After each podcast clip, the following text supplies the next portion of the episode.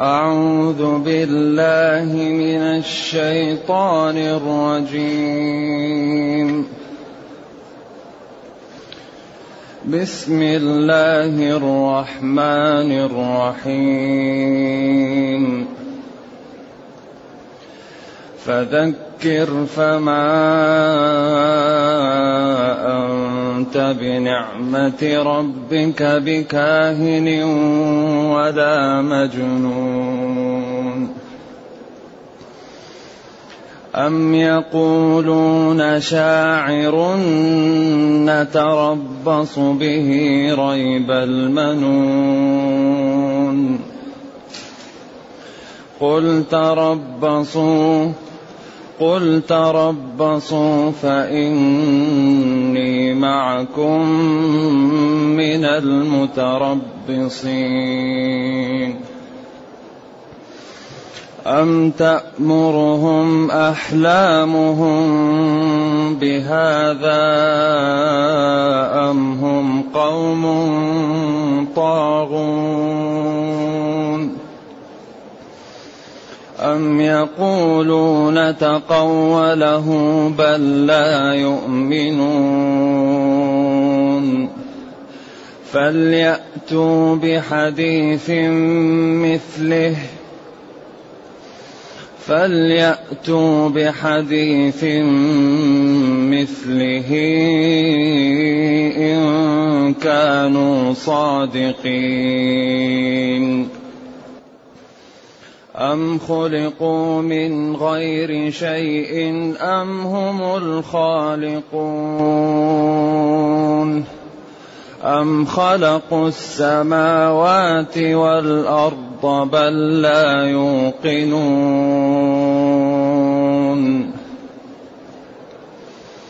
أم عندهم خزائن ربك أم هم المسيطرون أم لهم سلم يستمعون فيه فليأت مستمعهم بسلطان مبين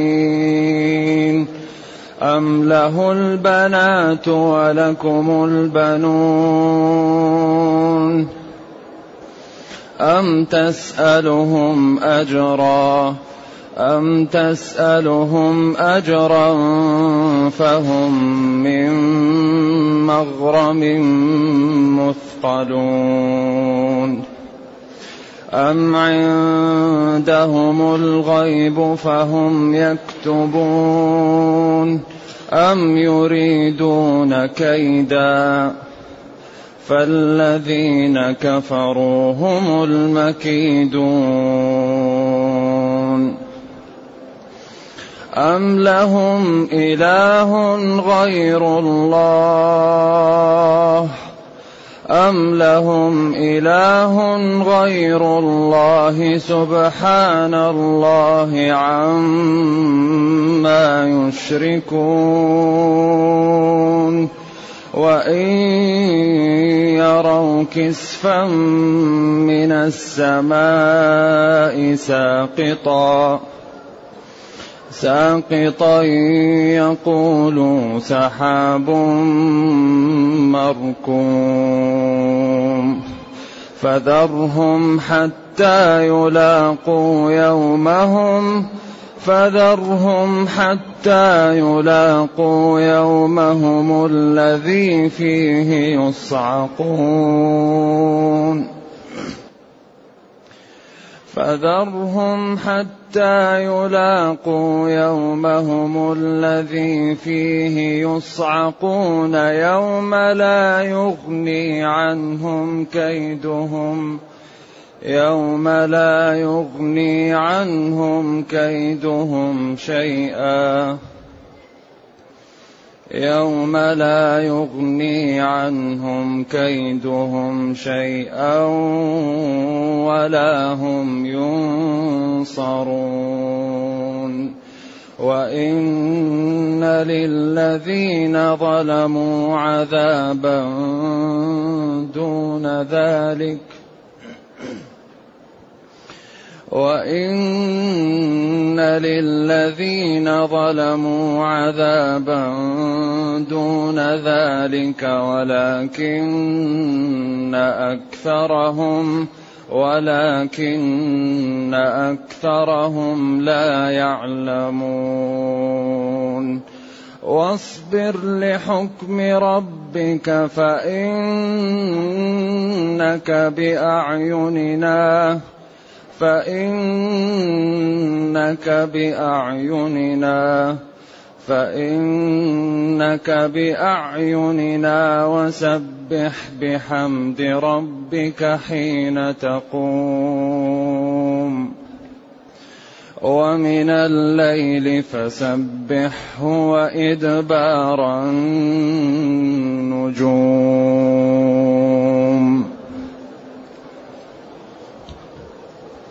الحمد لله الذي أنزل إلينا أشمل كتاب وأرسل إلينا أفضل الرسل وجعلنا خير أمة أخرجت للناس فله الحمد وله الشكر على هذه النعم العظيمة والآلاء الجسيمة والصلاة والسلام على خير خلق الله وعلى آله وأصحابه ومن اهتدى بهداه.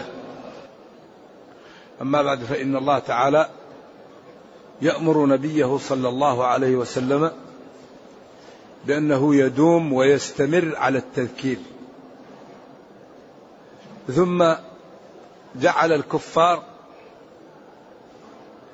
في طريقة لا يصلح معها إلا التسليم والمكابرة.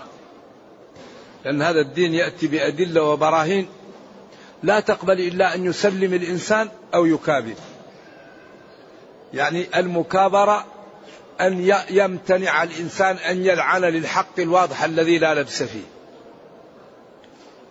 فذكر. ولذلك الفاء مومئة للكلام السابق. فلما سبق ولعلته ولما حصل ذكر.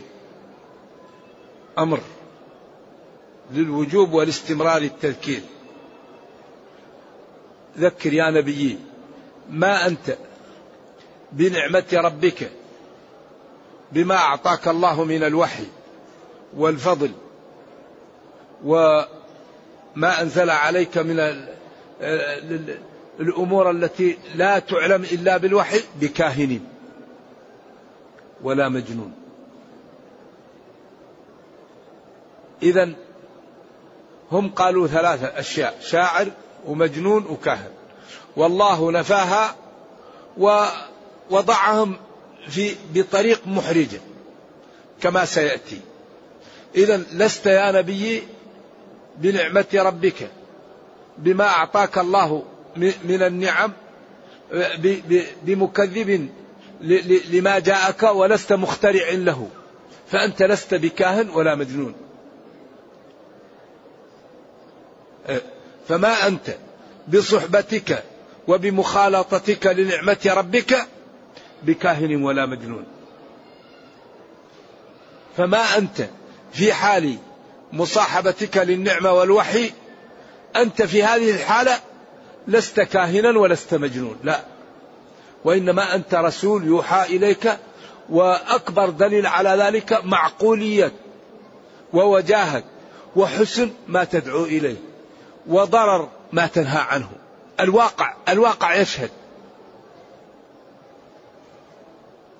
والكاهن هو الذي يدعي أنه يعلم الغيب ويأتي بأمور غير موجودة من غير أن يوحى إليه. هذا هو الكاهن.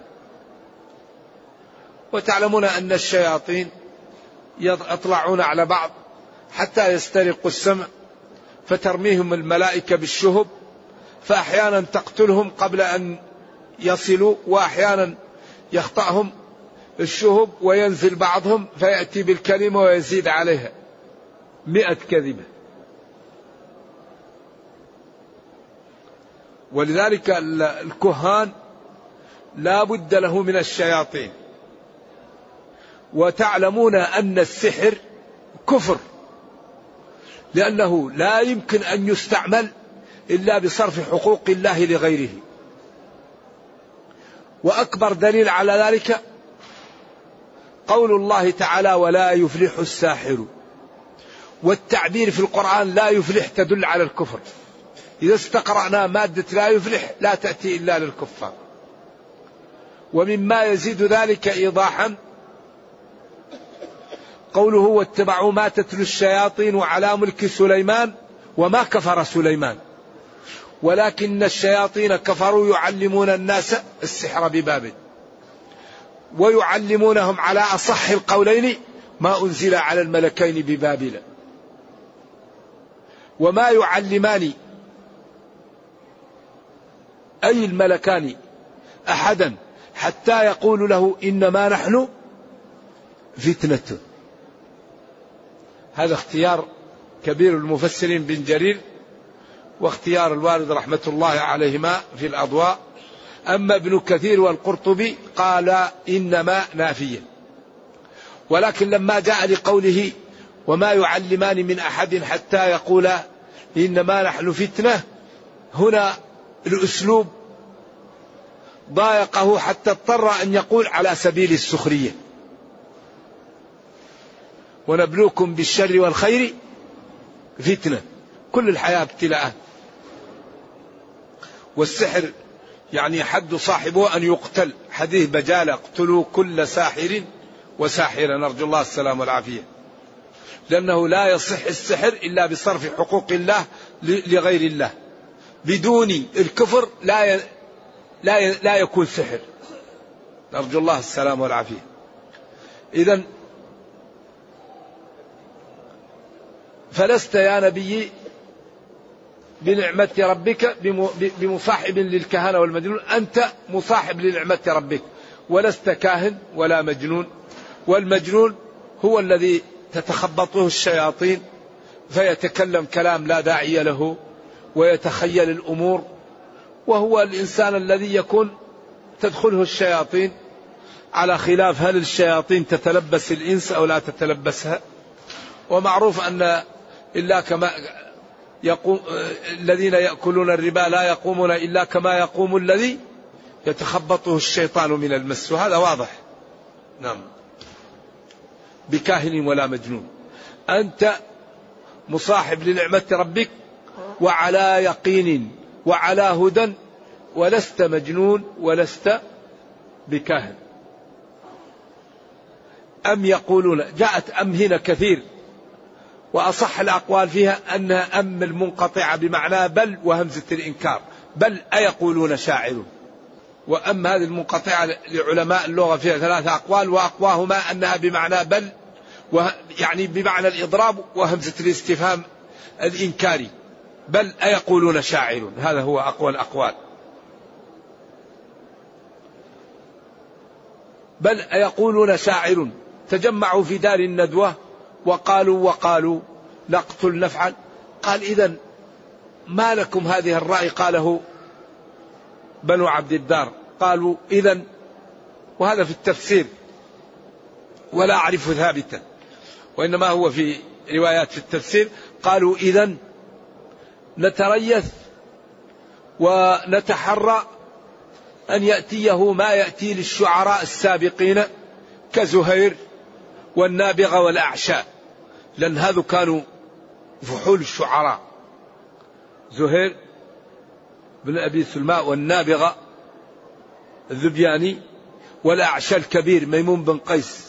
هؤلاء كانوا لهم شعر قوي ولهم أسلوب رصين فكأنهم جعلوا هذا القرآن من جملة الشعر الجيد ولكن نتربص به. أيقولون شاعر؟ ننتظر به ريب المنون. والتربص هو الانتظار. ومنه قول الله تعالى والمطلقات يتربصن بأنفسهن أن ينتظرن. فتربصوا حتى حين انتظروا. نتربص به ريب المنون أي حوادث الزمن. كما قال لبيد حبائله مبثوثة في سبيله ويفنى إذا ما أخطأته الحبائل. يعني فالناس محكوم عليها بالفناء. فإما الإنسان يصيب مرض أو حادث أو أي شيء من, من, من الحبائل المبثوثة في طريقه فإذا سلم من الحبائل يفنى بالأيام والليالي ويفنى إذا ما أخطأته الحبائل. ذلك هذه الأبيات للبيد جميلة. إذا إذا المرء أسرى ليلة قال أنه قضى عملا والمرء ما عاش عامل. أرى الناس لا يدرون ما قدر أمرهم بلا كل ذي رأي إلى الله واسل ألا كل شيء ما خلا الله باطل. وكل نعيم لا محالة زائل. وكل أناس سوف تدخل بينهم دويهية تصفر منها الأنامل. نعم. فإذا أيوة. فحبائله مبثوثة في سبيله. الحوادث والأمراض والعاهات وال... فإذا سلم من الحبائل يفنى بماذا؟ بالهرم ويفنى إذا ما أخطأته الحبائل. كما قال حميد بن ثور وحسبك داء أن تصح وتسلم. أرى بصري قد رابني بعد حدة وحسبك داء أن تصح وتسلم. يكفيك من المرض الصحة والسلامة لأنهما يوصلانك إلى مرحلة الهرم ولا صحة ولا قوة بعد الهرم. ثم جعل من بعد قوة ضعفا وشيبة. وهل يصلح العطار ما أفسد الدهر؟ عجوز ترجى أن تكون فتية. إلى أن قال وهل يصلح العطار ما أفسد الدهر؟ ما يمكن. إذا يقول نتربص به ريب المن ننتظر به حوادث الدهر الموت. قل لهم يا ربي تربصوا انتظروا. فإني معكم من المنتظرين. وأنا الله ضمن لي السعادة وضمن لي النصر وأنتم إن لم تتوبوا لكم الذلة في الدنيا والعقوبة ولكم العقوبة الكبرى. والخزي والإهانة يوم القيامة. إذا التربص ليس مثل بعض. تربص صاحبه ينتظر المقامات العالية والرفعة والعزة وصاحب ينتظر الإهانة في الدنيا والأخرى. فإني معكم. بعدين حصر لهم لما يقولون ويكذبون. أت بل أتأمرهم أحلامهم عقولهم بهذا؟ فهم أم تأمرهم أحلامهم بهذا؟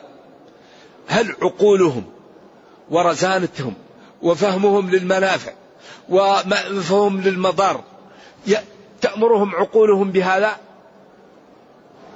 لا يمكن أن تأمرهم بهذا. بل أهم قوم طاغون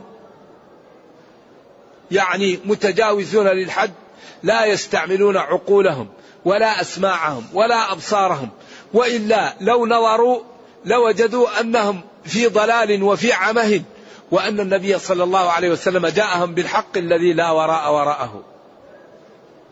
أحلامهم عقولهم بهذا الذي هم عليه من الكفر. بل هم بل أهم قوم طاغون خارجون عن الطاعة متعدين الحدود. من غير أن يفكروا ويتأملوا ولا ينظروا في العواقب؟ بل أيقولون تقوله. بل يقولون هذا الكلام أتى به ونسبه لله. تقوله إذا قال فلان على فلان كلام غير صحيح. قوله بما لم يقل. أتى به كذبا عياذا بالله. بل هؤلاء كفار. هؤلاء كفار ضلال. يقولون تقوله؟ لا. ما تقوله؟ هو جاء به من عند الله لكن هم كفار. بل لا يؤمنون. ثم تحداهم. التحدي السافر الواضح. فليأتوا بحديث مثله إن كانوا صادقين. طيب ما هو أنتم أصحاب فصاحة؟ وبلاغة وملكتم في ذلك السلام. وتعملون من الكلمة الأمر العجيب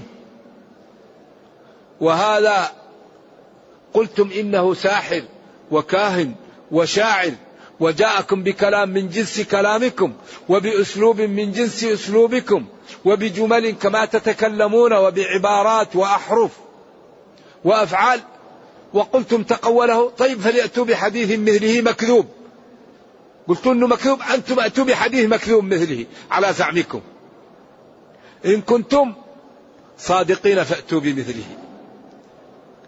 لذلك هذا الدين معجزته هذا القرآن. الإسلام معجزته القرآن. قال الخطابي لما تكلم عن الإعجاز قال إن الناس وردوا في هذا الأمر ولم يصبروا عن ري. لذلك قال إن الله تعالى اختار لكلامه أجمل الحروف في أجمل الكلمات في أجمل المعاني في أجمل النظم. فجمع من الحسن والجلال والسلاسة والفخامة والعذوبة ما لا يستطيعه البشر. لأن الله عالم بكل شيء والبشر عاجزون عن كل شيء. وكلما كان الإنسان يعلم كان كلامه أحسن وكل ما كان الإنسان يجهل كان كلامه أنقص. فلذلك ربنا يعلم ما لم يكن لو كان كيف يكون. فأودع في كلامه من العلم والجمال والجلال والحسن. ما قال لهم أنتم هذه لغتكم وهذا أسلوبكم فأتوا بمثله. فإن عجزتم فاعلموا أن نبيي صادق. وأنه مرسل من عندي. فليأتوا بحديث مكذوب مثل القرآن. إن كانوا صادقين فليأتوا بمثله. لذلك لا يوجد كلام كله جميل إلا القرآن. الديوان تكون فيه القصيدة والقصيدتان. والقصيدة يكون فيها البيت والبيتان والقطعة يكون فيها المقطع أو المقطعان. أما القرآن فكله جميل. لا يعرف يعني شيء يتناول أمور مختلفة ويكون كله جميل إلا القرآن. الشاعر يحسن في, في, في الرثاء أو في الوصف أو في المدح. ما يمكن شاعر يحسن في كل الموضوعات. القرآن يحسن في كل ما يتناوله. لا يمكن شخص يتنقل من محل لمحل إلا ظهر محل التركيب الشاعر إذا أراد يتنقل من محل لمحل يبقى مثل الشيء توصل بشيء. القرآن يتكلم على الوعد والوعيد وعلى القصص وعلى الجنة والنار وأصحاب اليمين وأصحاب الشمال كله في أسلوب لا يظهر أي خلل. لذلك قال أولم يكفيهم أنا أنزلنا عليك الكتاب؟ أبعد الكتاب يحتاجون لشيء يتلى عليهم. وقال فأجره حتى يسمع كلام الله. فليأتوا بحديث مثله إن كانوا صادقين. ولذلك هذا القرآن معجزة خالدة إلى قيام الساعة. والناس بالنسبة له صنفان. صنف فهم الأساليب والبلاغة والنحو واللغة العربية وبما يجمل الكلام وبما يقبح الكلام. فإذا قرأ القرآن علم جماله وجلاله وحسنه لمعرفته بالأساليب. وعلم أن هذا لا يقدر عليه الخلق. وصنف لم يعرف البلاغة ولم يتعلم مثلنا يعني. تعليمنا لا يصل إلى هذا. فنعلم بالتواتر أن قريشا جاء هذا الكتاب وقال لهم أنا رسول من عند الله. جاء هذا الكتاب من عند الله وأنزله على رسول الله. وقال لهم رسوله صلى الله عليه وسلم أنا رسول من عند الله والدلالة على رسالة هذا الكلام. فإن كنتم مكذبين به كما قال هنا فأتوا بحديث مثله فأتوا بمثله. فتركوا الإتيان بمثله وقدموا القتل وفقد الأنفس والأموال والديار. أيمكن أن يفعلوا هذا وهم يستطيعون أن يأتوا بمثله؟ قالوا هذا مثل إنسان يكون عنده ماء زلال وهو يقدر أن يشربه ويموت عطش ولا يشرب. هل يعقل هذا؟ إنسان غير ممنوع من التصرف وعنده ماء ليشرب ويمتنع عن شربه حتى يموت. هل يعقل هذا؟ لا يعقل. كذلك لا يعقل أنهم يستطيعون أن يأتوا بمثله ويتركوه ويحاولوا القتال ويحاولوا فقد الأموال والأنفس وهم يستطيعون أن يأتوا بمثل الكلام. إذا غير من تعلم تعلما متقدما يعلم إعجاز القرآن بالتواتر أنه جاء لقريش وطولبوا بمثله فعجزوا عنه وغيرهم أكثر إعجازا. ومن العلماء من يقول منعوا لأجل الصرفة وهذا كلام باطل. وإنما منعوا لجمال القرآن لا للصرفة ولو كان للصرف لتعجبوا من الصرف لا تعجبوا من جماله. قال والله إن لأعلاه مثمر وإن أسفله لموضع وإنه لا يعلو ولا يعلى عليه. ذلك قالوا ليس بالشعر وليس بكهانة. آخر شيء قالوا لازم تقول قال سحر يؤثر وهو يعلم يقينا أنه ليس بسحر. فهذا الكتاب آية من آيات الله ومعجزة من معجزات هذا النبي الكريم. ولذلك قال إنما كان يعطى من قبلي ما على مثله يأمن قومه كالعصا وكاليد وكإبراء الأكمه والأبرص وكالناقة وإنما أعطيته قرآنا يتلى فلعلي أكون أكثرهم تابعا. صلوات الله وسلامه عليه. لذلك كل شيء ينزل الآن بالمسلمين فهو محلول في القرآن. ذلك القرآن إذا جاءت كلمة من القرآن وأردت اجتمع أهل الأرض أن يأتوا بكلمة يعني تبدلها ما يستطيعون. قول الله تعالى لا يرقبون في مؤمن لو جاء أهل الأرض ليأتوا بكلمة بدل الإل لا يستطيعون. الإل العهد الإل الله الإل اللمعان الإل الحديد الإل الجوار الإل القرابة. فكأنها لا يرقبون في مؤمن أي شيء مما تجعله العادة يرقب.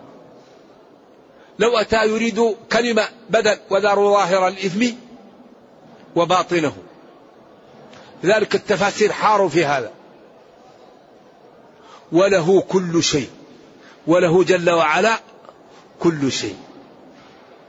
كلمات في غاية من الإيجاز والجمال والحسن. ولذلك الفيلسوف الكندي لما يقال إنه احتجب لي ليعمل مثل القرآن. وكان في مكان خال يفكر فسمع قارئ يقرأ. يا أيها الذين آمنوا أوفوا بالعقود. أحلت لكم بهيمة الأنعام. إلا ما يتلى عليكم. غير محل الصيد. وأنتم حرم. إن الله يحكم ما يريد.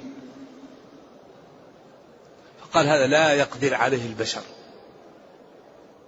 نادى وأمر وحلل واستثنى من المستثنى واستثنى ثانيا وحكم وبين قدرته.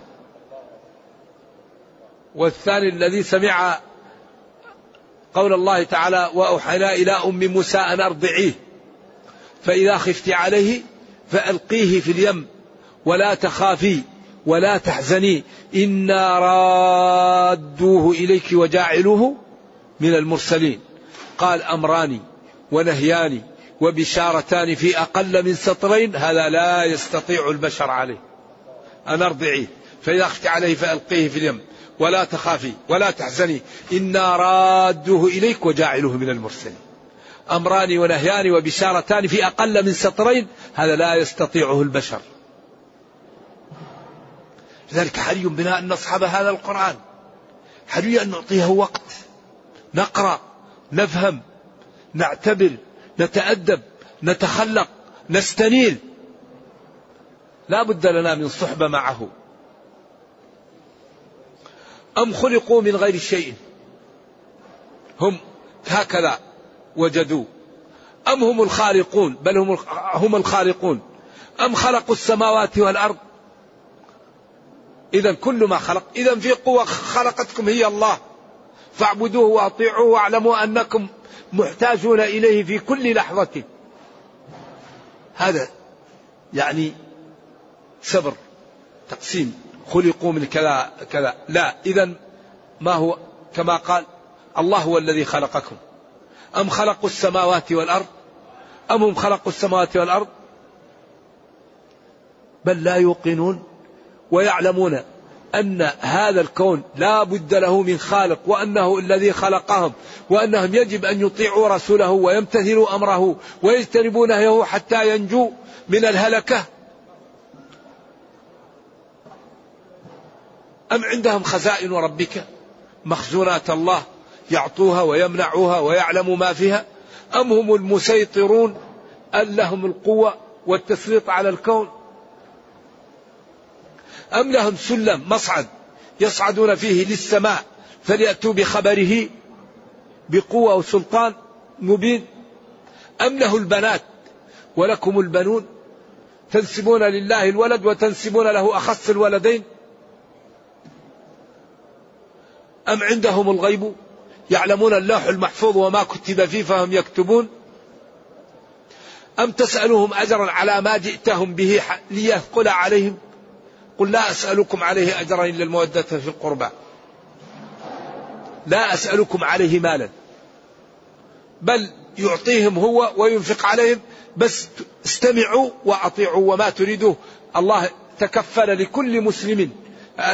على لسان نبيه أن من ماتوا عليه دين النبي صلى الله عليه وسلم يقضيه. ومن ترك مال فلورثته صلوات الله وسلامه عليه. أم عندهم الغيب؟ لوح المحفوظ فهم يكتبون ما يريدون ويرونه ويتصرفون. أم يريدون قوة وكيدا فالذين كفروا هم المغلوبون وهم المكيدون وهم الخاسرون.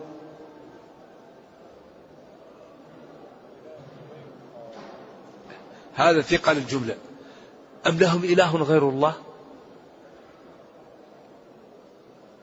أم لهم معبود يعبدونه غير الله؟ بعدين نزه الله وقال سبحان الله عما يشركون. ثم لما قالوا أنزل علينا قطعة من السماء فهم لشدة تكذيبهم وعتوهم وتمردهم إذا رأوا كسفا وهو القطعة من السماء ساقطة عليهم لتهلكهم لا يصدقون يقول هذا سحاب متراكم. يقول سحاب مركوم.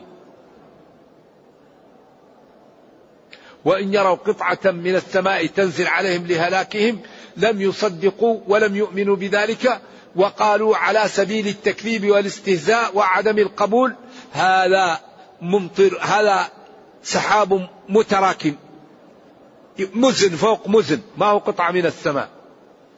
فذرهم دعهم حتى يلاقوا. يجدوا ويبلغوا يومهم الذي فيه يصعقون يصعقون.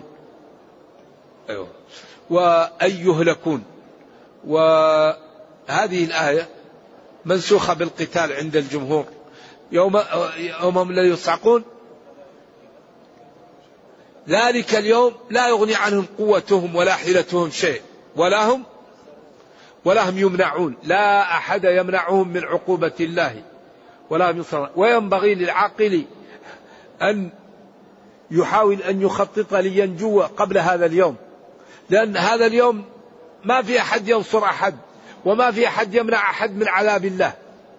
الذي يمنع هو الطاعات والحسنات التي جمعها الإنسان في الدنيا قبل أن يموت. أما إذا مات الإنسان على غير حسناته وعلى الكفر يقع في ورطة. ما له ما لنا من شافعين ولا صديق حميم. فلو أن لنا كرة رجعة. ربنا أرجعنا نعمل صالحا. غير الذي كنا نعمل. أجابهم أولم نعمركم ما يتذكر فيه؟ وجاءكم النذير. جاءكم الرسول صلى الله عليه وسلم على أصح الأقوال.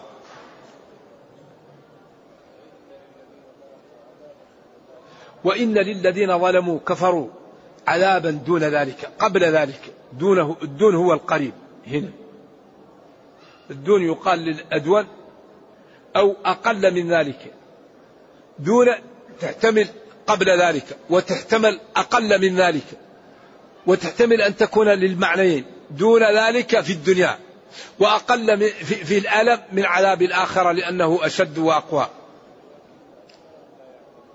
ولكن أكثر هؤلاء لا يعلمون حقيقة الأمر ولا خطورة الهول العذاب وخطورة الكفر وما يسببه للإنسان من الشقاء الأبدي. واصبر يا نبي لحكم ربك الذي حكم عليك به وهو الدعوة والمصابرة والجهاد والعبادة والبذل والإيثار. الله حكم عليك بأنك تجاهد الكفار وأنك تبلغ دين الله وأنك تساعد الضعاف وتصبر نفسك واصبر نفسك مع الذين يدعون ربهم بالغداة والعشي يريدون وجهه. ولا تعد عيناك عنهم تريد زينة الحياة الدنيا. ولا تطع من أغفلنا قلبه عن ذكرنا. فإنك بمرعى منا وبحفظنا. أعيننا بمرعى منا وحفظنا. ولله تعالى صفات نستعمل فيها ما ذكرناه نصدق وننزه ونقطع الطمع عن إدراك الكيفية. وسبح بحمد ربك. نزه. وقدس وعظم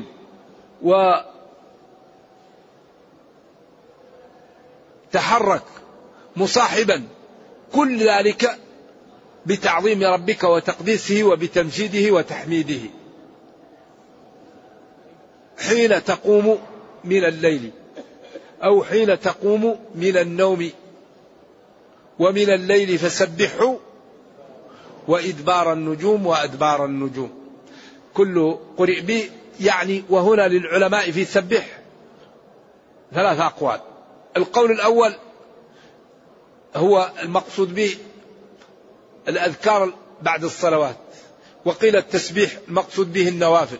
وقيل التسبيح المقصود به هنا الصلوات الخمس. حين تقوم من الظهيرة يقصد به الظهر والعصر. ومن الليل المغرب والعشاء. وأدبار النجوم الفجر. وقيل النوافل وقيل التسبيح وهو الأذكار التي تقال في هذه الأوقات. إنسان إذا استيقظ من النوم وإذا غربت الشمس وإذا طلع الفجر هناك أذكار واردة تقال. نعم. نرجو الله جل وعلا أن يرينا الحق حقا ويرزقنا اتباعه وأن يرينا الباطل باطلا ويرزقنا اجتنابه وأن لا يجعل الأمر ملتبسا علينا فنضل. اللهم ربنا أتنا في الدنيا حسنة وفي الآخرة حسنة وقنا عذاب النار. اللهم اختم بالسعادة آجالنا وقرم بالعافية غدونا وآصالنا واجعل إلى جنتك مصيرنا ومآلنا. سبحان ربك رب العزة عما يصفون. سلام على المرسلين والحمد لله رب العالمين. صلى الله وسلم وبارك على نبينا محمد وعلى آله وصحبه. والسلام عليكم ورحمة الله وبركاته.